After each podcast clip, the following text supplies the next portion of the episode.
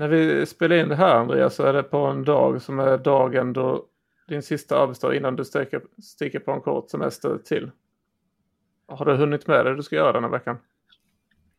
Ja, det, det känns som den här veckan har flugit förbi. Det känns som att jag, jag sa det till några kollegor här idag, det känns som att jag har lämnat kontorstolen den här veckan. Jag har haft sån, sån sjuk progress den här veckan på allt möjligt. Ehm, och det trodde jag inte skulle ha då många, många kom tillbaka från semestern den här veckan. Då brukar det vara mycket synkningsmöten och det ska pratas vad som är gjort och inte gjort och vad som ska göras etc. Men det har ändå, trots de mötena, så har jag haft eh, jättebra progress. Så jag, jag skulle säga, ja, jag har hunnit med det jag kan hinna med innan jag drar nu. Så nästa vecka i din frånvaro kommer de ha ett sånt här möte. Vad är det som har gått sönder under sommaren? Jo, Andreas innan han stack så committade han som en galning i en veckas tid. Sen gick han på semester. Exakt. Ja, det är ungefär så, så snacket kommer gå i teamet, det vet jag. Att ja, nu har han byggt massa saker och vi har inte koll på det. Så vi, vi låter det vänta en vecka tills han är tillbaka. Ja, var bra.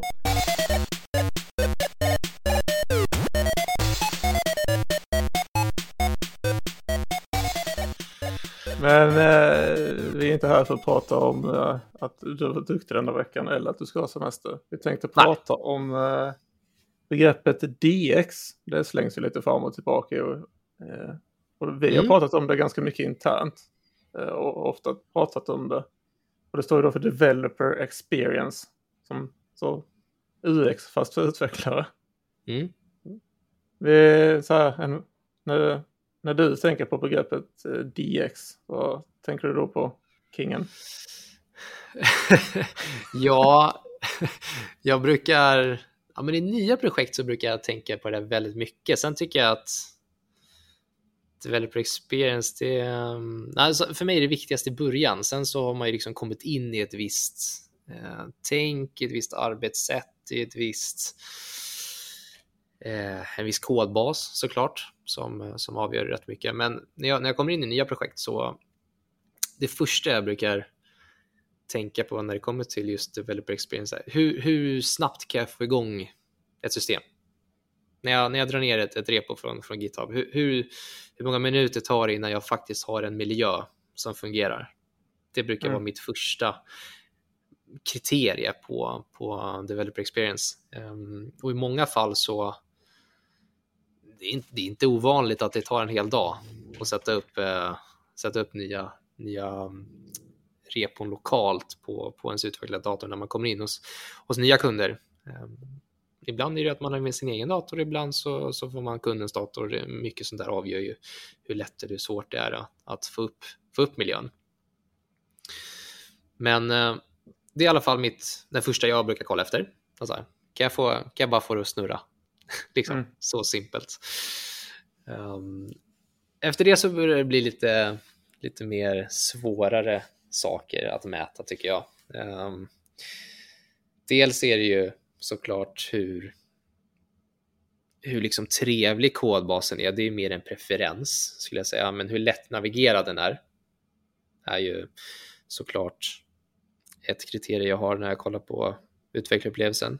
Ehm, hur mycket förstår jag och hur, hur, hur lång tid tar det innan jag faktiskt förstår vad affärsområdet jag sitter med eller hur jag förstår liksom featurerna som, som är byggda hur mycket gömd affärslogik finns det som inte speglas i koden? Det brukar jag kolla på. Mm. Eh, den här domänlogiken som finns i, i många, många huvuden i verksamheten men som inte kan vara synlig i kodbasen. Eh, så det är någonting men komma, jag... Men typ komma igång i ett nytt projekt, så tänker ja. du? Så allt från att få spinna upp miljön till att förstå domänen är för dig en viktig, eh, eller är en faktor i developer experience då? Ja, absolut viktigaste. Hur snabbt kan jag få upp eh, systemet på min, på min arbetsstation och hur, hur snabbt kan jag liksom börja committa saker? Jag började hålla med. Mm. Och uh, när jag googlar uh, lite, men vi kan komma till de andra sakerna jag hittade när jag googlade DX. För att DX betyder inte enbart det jag trodde eh, det, det betyder. Men för mig är det, för många, en, en del som har postat saker om DX på internet så är eh, onboarding, kan man Mm. väl sammanfatta det här, en stor faktor. Precis. Eh, jag, jag, jag tänkte mer till skillnad från det vi kommer till sen på liksom så här nice to haves. Alltså vad som gör livet enklare på en vardaglig basis som utvecklare. Åt, alltså åtkomst till loggar, Mm. eh, vettig utvecklingsmiljö. Alltså man drar, går det riktigt långt bak, liksom en vett- vettig hårdvara som man sitter och jobbar på. Absolut. Eh. Det är såklart, allt som det ingår ju i konceptet såklart, men det är ju på, på vad man drar gränsen. Jag tänker mycket sånt där, det, det kommer ju på plats till slut, som du säger. Access till loggar och access till system och sånt där. Jag har i alla fall aldrig varit ett projekt där jag liksom haft, haft den accessen jag ska ha den första sprinten, om vi säger så. Oavsett liksom, hur lång en sprint är i det uppdraget, det har aldrig hänt. eh, alldeles för ofta fastnat i eh, när, när, det är, eh, när man kommer till ett eh, företag som eh, använder sig av Microsoft-suiten. Mm. Att man ska tillhöra rätt grupper för att ha access till olika system. Ja, för, för att överhuvudtaget kunna logga in i Ja, olika system så ska det, eh, din RBAC eh, ska, ska det stödjas av RBAC och så är det helt omöjligt att ta reda på vilken kombination av grupper man måste tillhöra i. mm. Oh. Den Ja, finaste, den finaste anekdoten, eller problemet jag har stött på i uppdrag, det är att man det är rätt vanligt när vi kommer in som utvecklare i ett projekt att vi, vi kanske får något onboarding-dokument eller vi får en checklista av att checka av med liksom sätta upp vissa verktyg och repositorier och ja, eh, arbetsverktyg på, på våra datorer. Det är inte jätteovanligt att de här dokumenten och drivrutinerna, de ligger bakom en inloggning på Gira där man inte har access till. Ja. Moment 22. Ja, det är, det är så fantastiskt. Att det, det är, jag tror de senaste fem projekten där de första dagarna bara liksom sitta i Service Desk och, och ansöka. Det var ju till och med på ett uppdrag där jag liksom inte ens hade access till Service Desk. Så där var det verkligen ännu ett steg bort. Vem ska jag kontakta för ens kunna lägga en ticket? Eh, faktiskt, eh, ett uppdrag när jag började och kom dit första dagen så kom jag inte in i byggnaden. Mm. Och de första två veckorna väntade jag på att få ett passerkort. kan man säga att det är dålig DX. Så jag var tvungen till, så här, kan jag få, och så kommer folk till kontoret i, i olika takt. Så jag var tvungen Ja. att ta typ fyra, fem nummer och typ skicka. För jag kom inte in heller, för det kommer jag till sen, för jag kom inte in i chattmiljön. Ja, så att jag kunde lägga i chatten, är det någon som är på kontoret?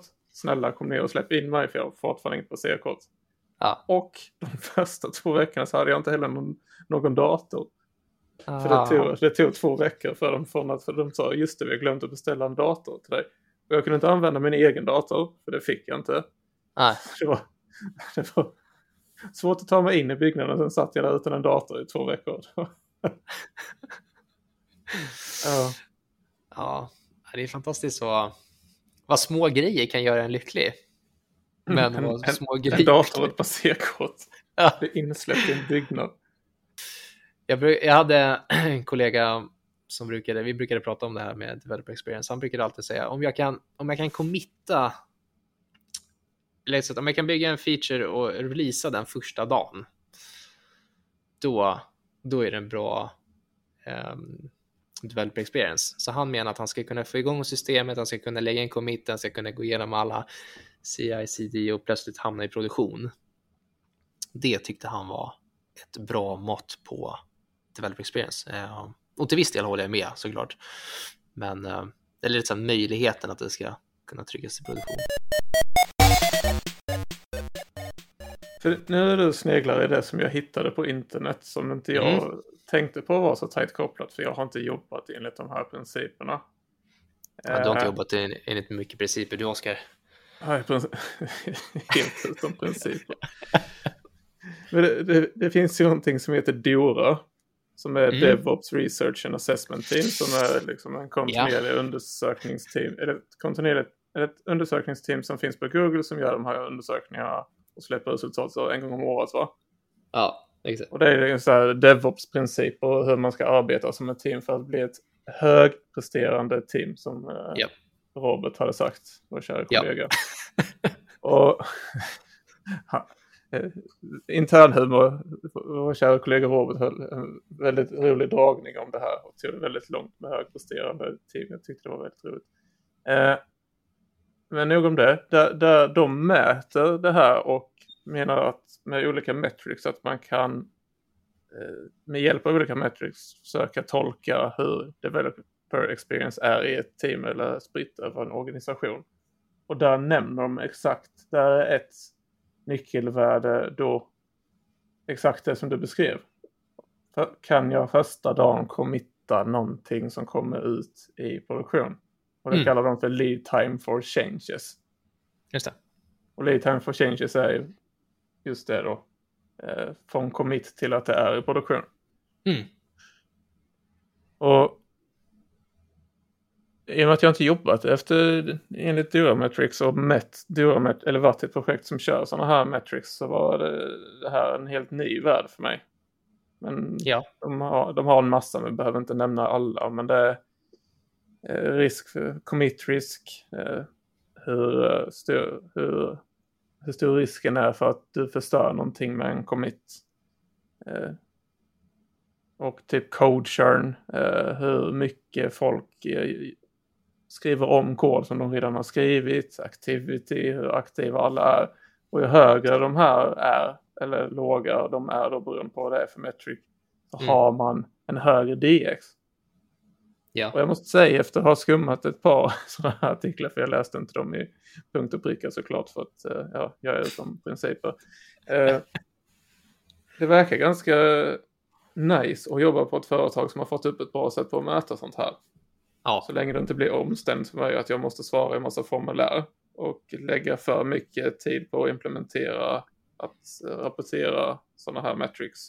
Alltså det vill säga att jag måste skriva kod för att metricen ska rapporteras. Men jag tänker att det mesta av det här är ju typ att koppla till ens versionshantering.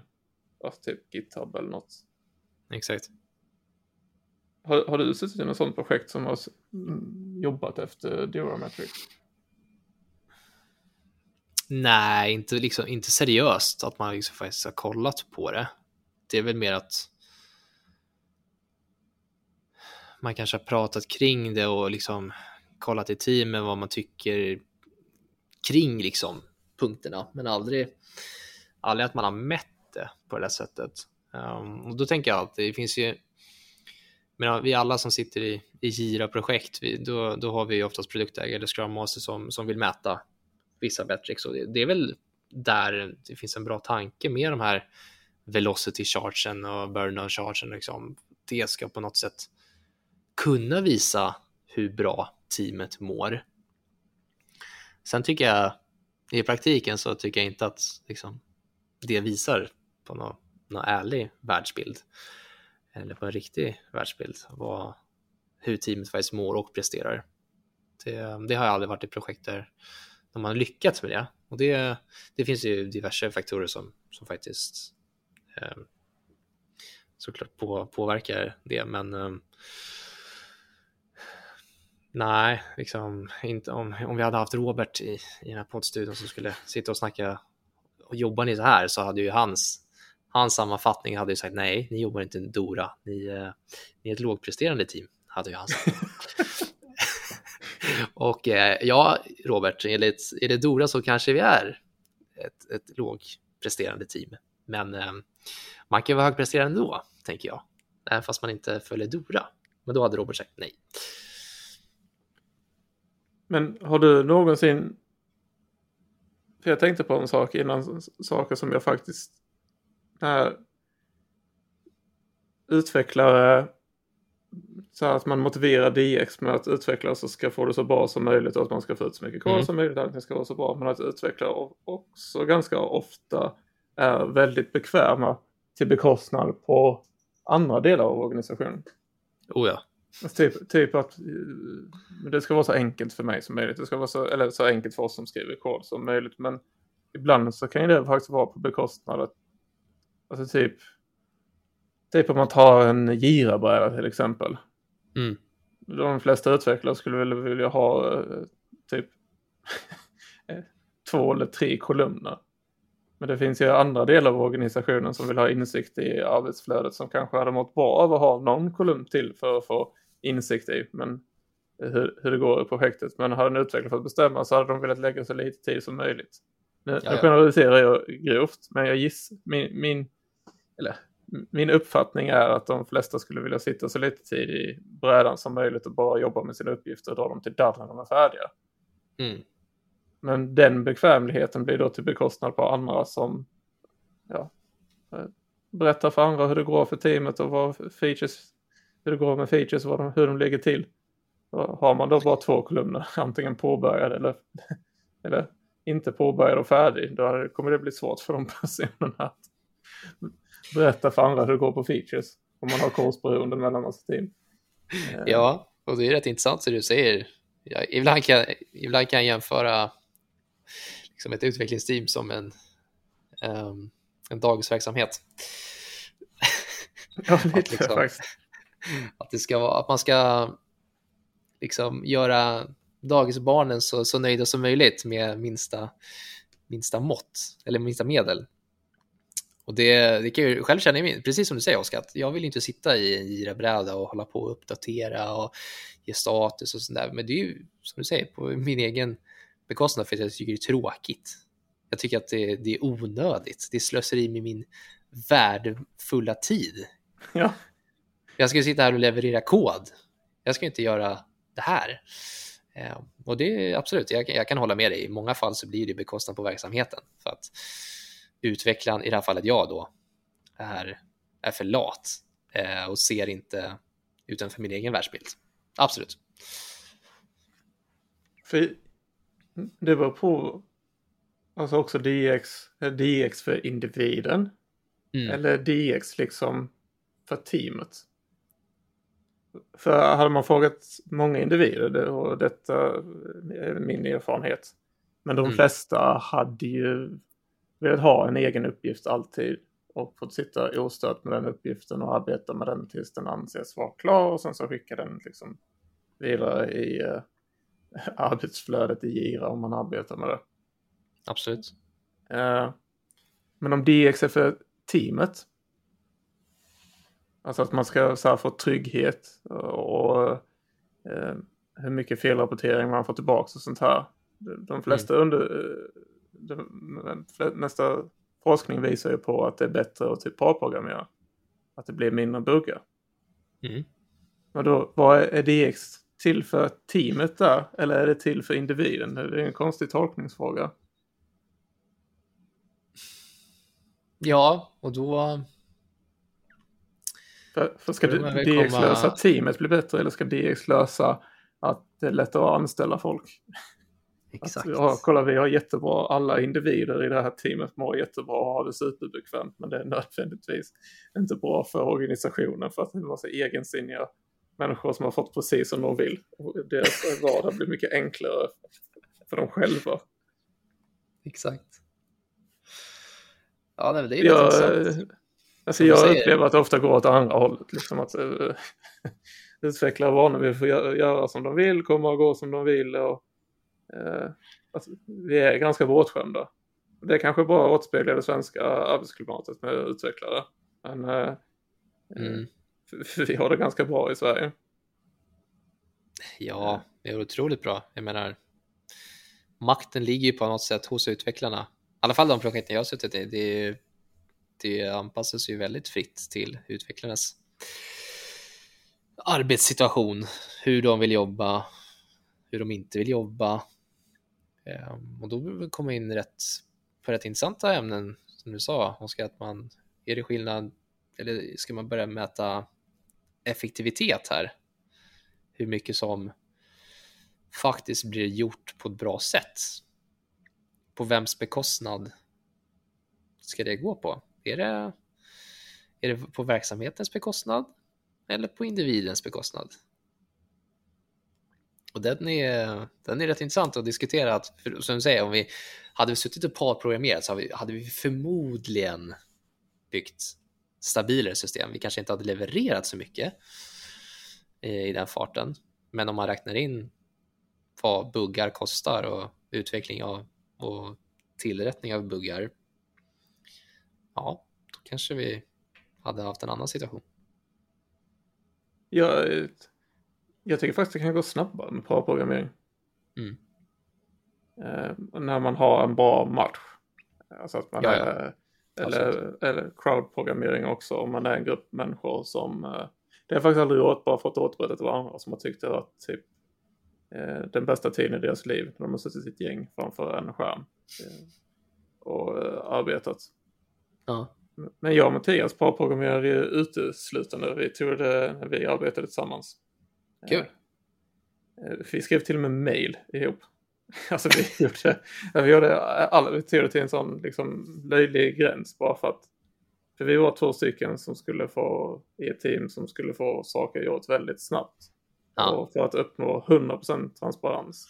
Och inte sitta, det blir lätt att man sitter på en varsin kammare annars. Så vi gjorde alltihop. Vi hade liksom koll på allt som hade kommunicerats med de som ville ha saker från oss. Eh, vi gjorde alltihop. Och jag måste säga att vi fick ut sjukt mycket resultat på att göra så. Eh, så jag tycker att parprogrammering ibland har ett oförtjänt rykte. Att det ska ta längre tid. Ja, För över alltså jag tid tror, tror, jag inte på att det gör det. För transparens över tid borde vara ett, i mina ögon i alla fall, ett väldigt effektivt sätt att spara tid på.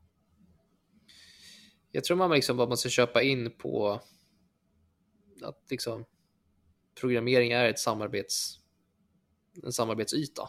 Det är liksom ingen, inget man gör själv, oavsett om du faktiskt gör det i en parprogrammering eller om det, du måste ju liksom samla in feedback och få andra att kolla på det och testa det och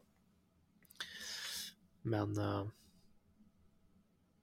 jag har inte suttit supermycket i jag har suttit, ja mycket parprogrammering, motprogrammering har jag inte suttit supermycket i. Det kan jag inte påstå. Nej, det har jag aldrig provat. Eh, Det, Nej. eh, alltså det måste ju vara i en grupp. Det måste kanske inte det, men det känns som man måste komma verkligen överens. Ja. Men Tydligen så är knepet eh, att sätta upp tydliga förhållningsregler. Mm. Ingen, eh, ingen eh, sitter längre än en viss tid. Man byter tangentbord ofta så att det inte blir en monolog. Eh, hur man uttrycker sig till varandra. Att man kör lite så här workshoppar lite innan. Hur man uttrycker kritik för att man sitter väldigt exponerat. Ja, ja. Så sitter det en supersenior och sen en som är precis liksom nyexad. Då ska Mm. inte den nyexade personen vara rädd för att den ska bli arkebuserad så fort den sätts bakom tangentbordet. Nej. Eh, tydligen har man satt upp sådana förhållningsregler för hur man uttrycker feedback eh, och hur man ska föra sig. Eh, Precis. Så ska det funka väldigt bra. ja, precis. Det måste ju finnas en psykologisk trygghet i rummet för att det ska funka. Jag har aldrig varit så trött efter jobbet heller. Alltså Nej, huvudet, huvudet, som efter jag och Mattias gjorde det här så intensivt. Alltså jag kunde gå och lägga mig direkt när eh, skiftklockan ringde. Jag var så slut. Men när vi fick jag menar. Att, att eh, ett utvecklingsteam är ju som en dagisverksamhet. Man ska ju trötta ut medlemmarna. Det, det var bra för min, min sambo när hon kom hem från jobbet. Då hade jag redan rastats hela dagen. Ja, exakt. Och sen så kom du hem och fick du lite mat och sen slocknade du. Det, det finns många liknelser till den här dagisverksamheten, tänker Jag jag. behövde inte ta mig till hundrastplatsen direkt efter jobbet. Det var redan färdigt. Jag behövde bara lite mat och en klapp på axeln. Exakt. Ja, men vad, om vi backar bandet då lite och tänker, vi har pratat lite... Side note. Ja, exakt. Det blev en jäkla sidetrack här. Vi är på väg ner till, till Malmö, till dig nu. Men eh, om, vi, om vi backar lite bandet då och tänker liksom developer experience. Om, om du sitter i ett projekt, om du tänker rent tekniskt, vad, vad brukar du kolla på? Det var viktigt för dig att det ska vara en bra upplevelse. Alltså rent tekniskt så om man går på det tekniska spåret eh, en liten stund så håller jag nog med Durametrics. Eh, alltså det är de sakerna som de mäter på. Eh, och Duometrics, den är ju nästan uteslutande bara att det ska vara bra DevOps. I de här, ja alltså mycket av de här sakerna är ju, alltså som lead time to change, uh, uh, all aktivitet och vilken impact och hur snabbt det sker. Mycket av de här är ju direkt kopplade till bra DevOps. Och många projekt, alltså, alltså backar vi bandet kanske fyra, fem år så var ju DevOps ett ganska häftigt uh, buzzword och det var människor som jobbade specifikt med DevOps och som frontenutvecklare mm. så var det nödvändigtvis inte att du skulle behöva kunna någon DevOps. Så det var ju de här häftiga ops-människorna som kom till jobbet. De repellerade in genom fönstren för att de var ops-människor. uh, men att det, eh, att eh, nu är det mer liksom, nu ska alla ha vetskapen och liksom transparensen som bra DevOps medför. Eh, mm. Hur snabbt en bugg rapporteras och hur snabbt jag lär mig förstå var någonstans jag ska kolla när saker går fel. Fortfarande är det så att det, det mesta av vår kod skrivs av människor. Så vi får se hur det blir i framtiden. Men så länge det är människor som skriver någonting, det kommer vara som AI också skriver, så kommer det bli fel. Mm, klart oavsett om det är en digital människa eller en riktig människa, så, så länge det är en människa som skriver koden så kommer det bli fel. Och då hur, hur snabbt åtgärdar jag de här? Alltså att få, att för, det är mer än att bara förstå domänlogiken, att förstå hur tekniken hänger ihop och mm. hur, hur, snabbt jag förstår det här. Det, det är ganska viktigt för mig om man kollar bara på det tekniska planet. Och det, i min värld så lutar det sig till en väldigt stor andel i alla fall i bra DevOps. Jag vet mm. inte hur du känner om man ska ta det tekniska spåret.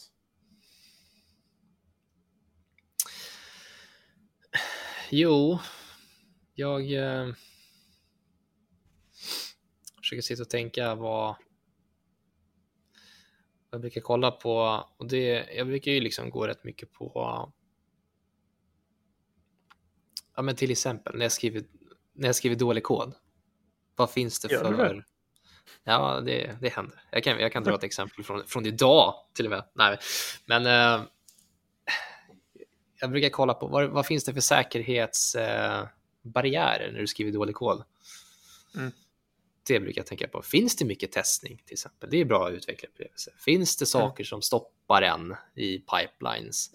Finns det kollegor till och med? Det kan ju också ingå i utvecklarprocessen. Finns det kollegor som stoppar en och, och granskar och testar när, när du har skrivit dålig kod? Finns det en verksamhet som faktiskt testar saker innan det plötsligt ligger i produktion?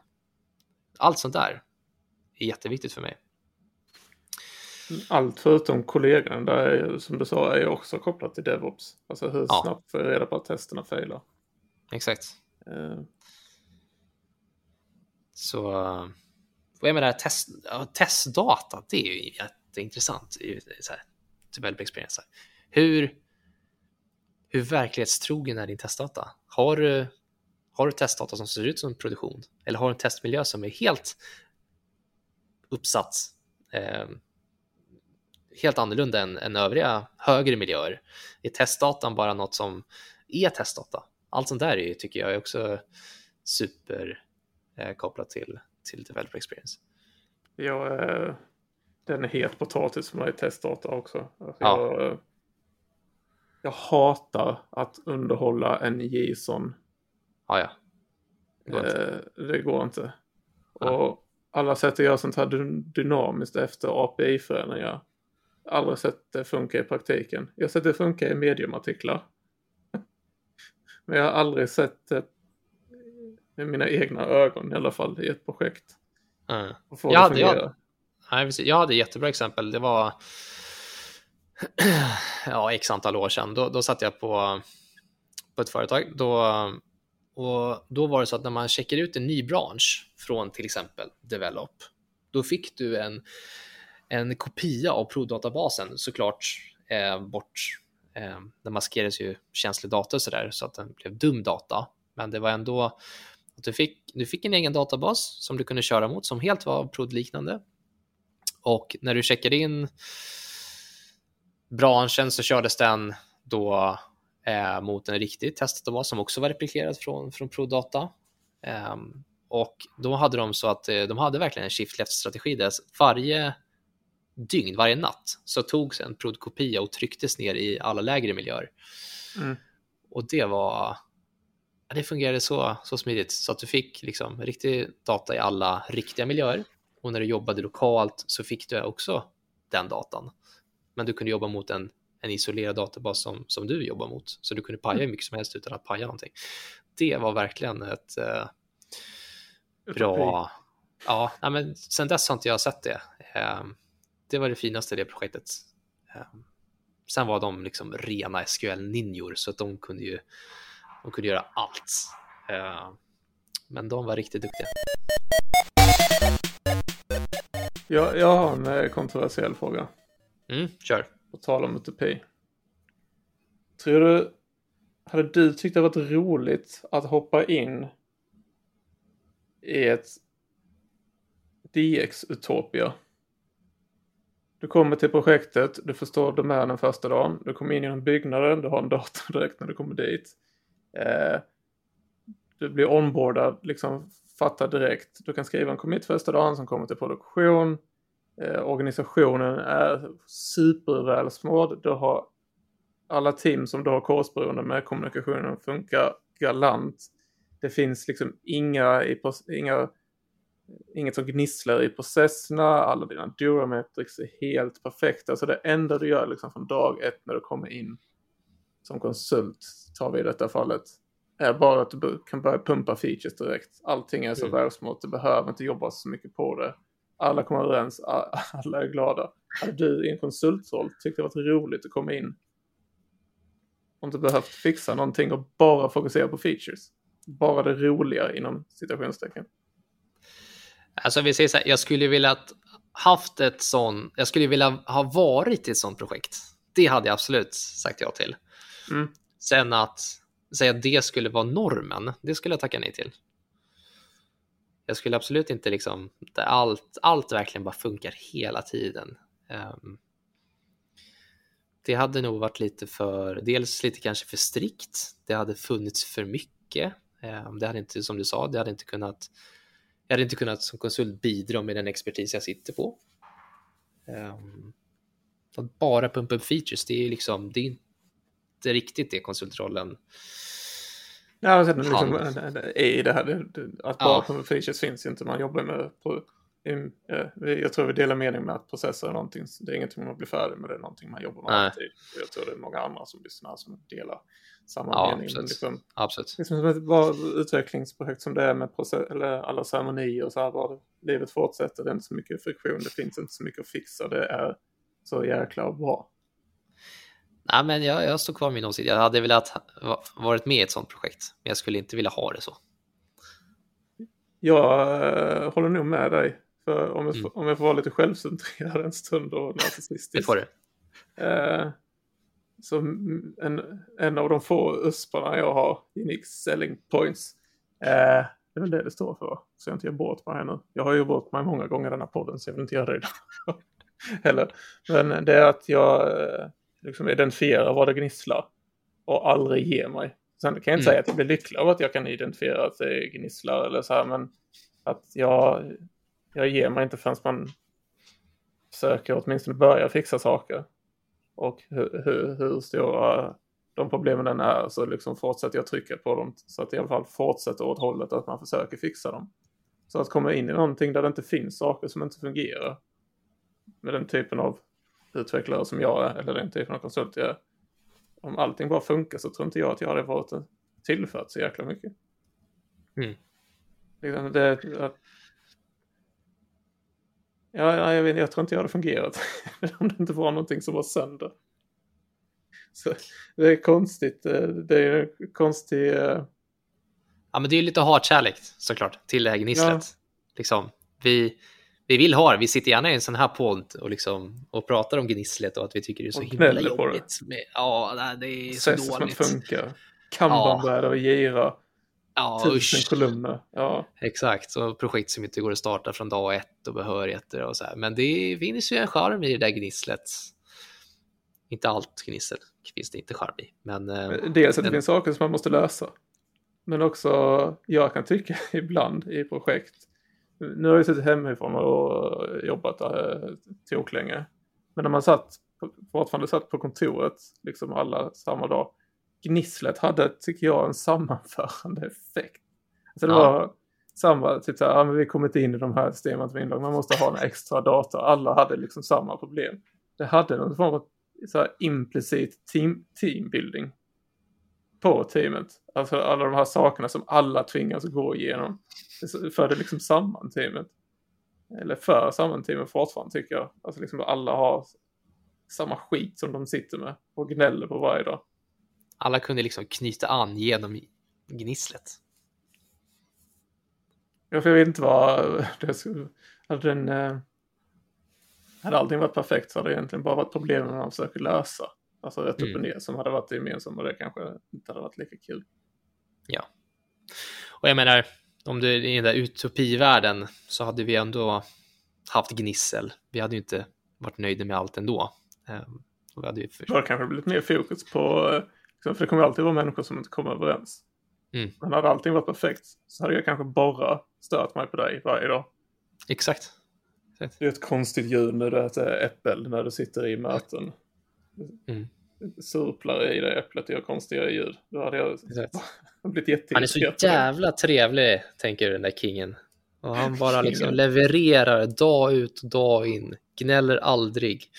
Ja, jag förstår. Måste han vara en minut sen till alla möten? Jag har varit not notoriskt en till två minuter sen i alla möten vi har haft på sistone. Har du det? Ja, ja det mycket självfakt varje gång. Jag är sent till ett möte, det är det värsta som finns. Jag, jag, jobbade på ett företag i Lund en gång, det kom en sidnot av uh, Guds nåde. Men, Guds nåde var en Filip och Fredrik-parallell.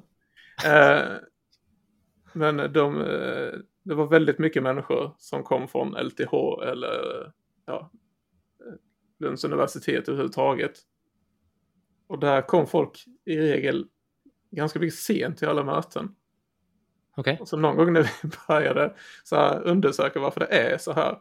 Då var det tydligen på LTH så kör man ganska hårt på den akademiska kvarten. Jaha, okej. Okay. Så, så, vi hade den akademiska kvarten på alla möten och folk var aldrig i tid till någonting. Det var hopplöst. Jag satt och kokade varje dag. Det var ingen som var tid stand-up. Det var ingen som var tid till möten som var inbokade. Var, sen blev det bättre över tid och folk skärpte sig. Men ett, en viss period så var det notoriskt jobbigt att, för att alla var så sjukt sena till möten hela tiden. Ah. Så varje gång jag är det så knyter jag handen i fickan och svär åt mig själv. Helt rätt. Men så här remote-tiden så tycker jag det är nästan eh, på de ställena jag, uppdragen jag har haft på sen pandemin startade och efter det, när, för nu sitter ju folk i regel mycket mer hemma. Ja. Eh, när man sitter hemifrån så har det blivit sån kutym att det nästan är okej att vara fem minuter sen. Upplever du också det?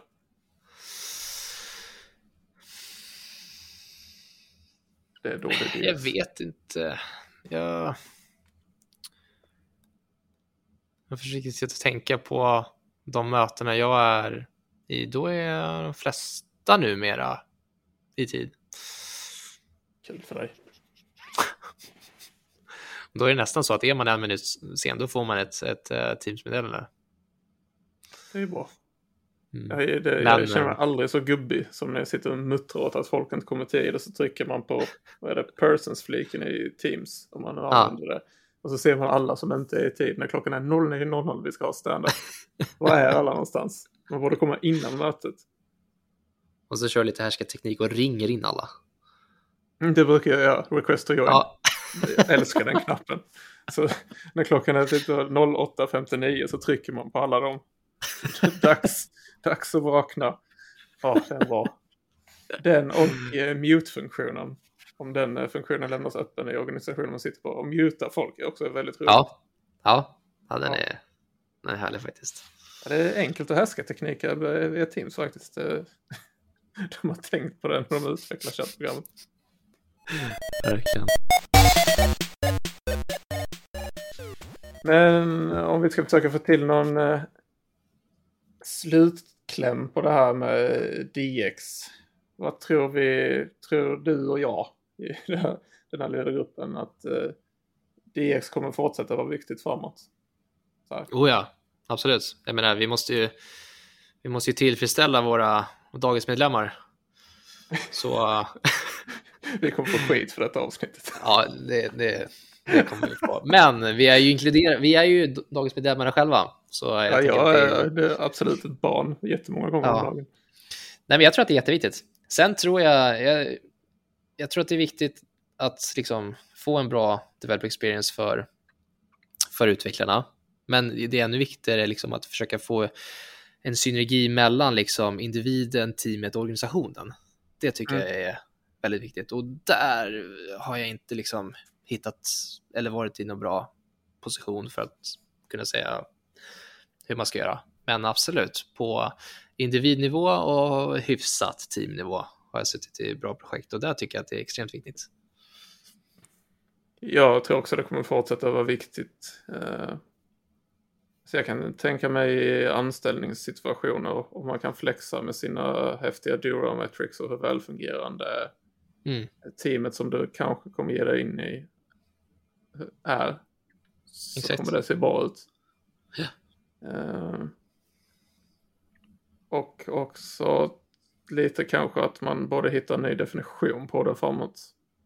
Istället för singular developer experience så kanske det borde mm. vara team experience eller någon, developer team experience eller någonting. Alltså att jag Exakt. tror eh, att det är kollektivet man ska mäta det på och inte individen.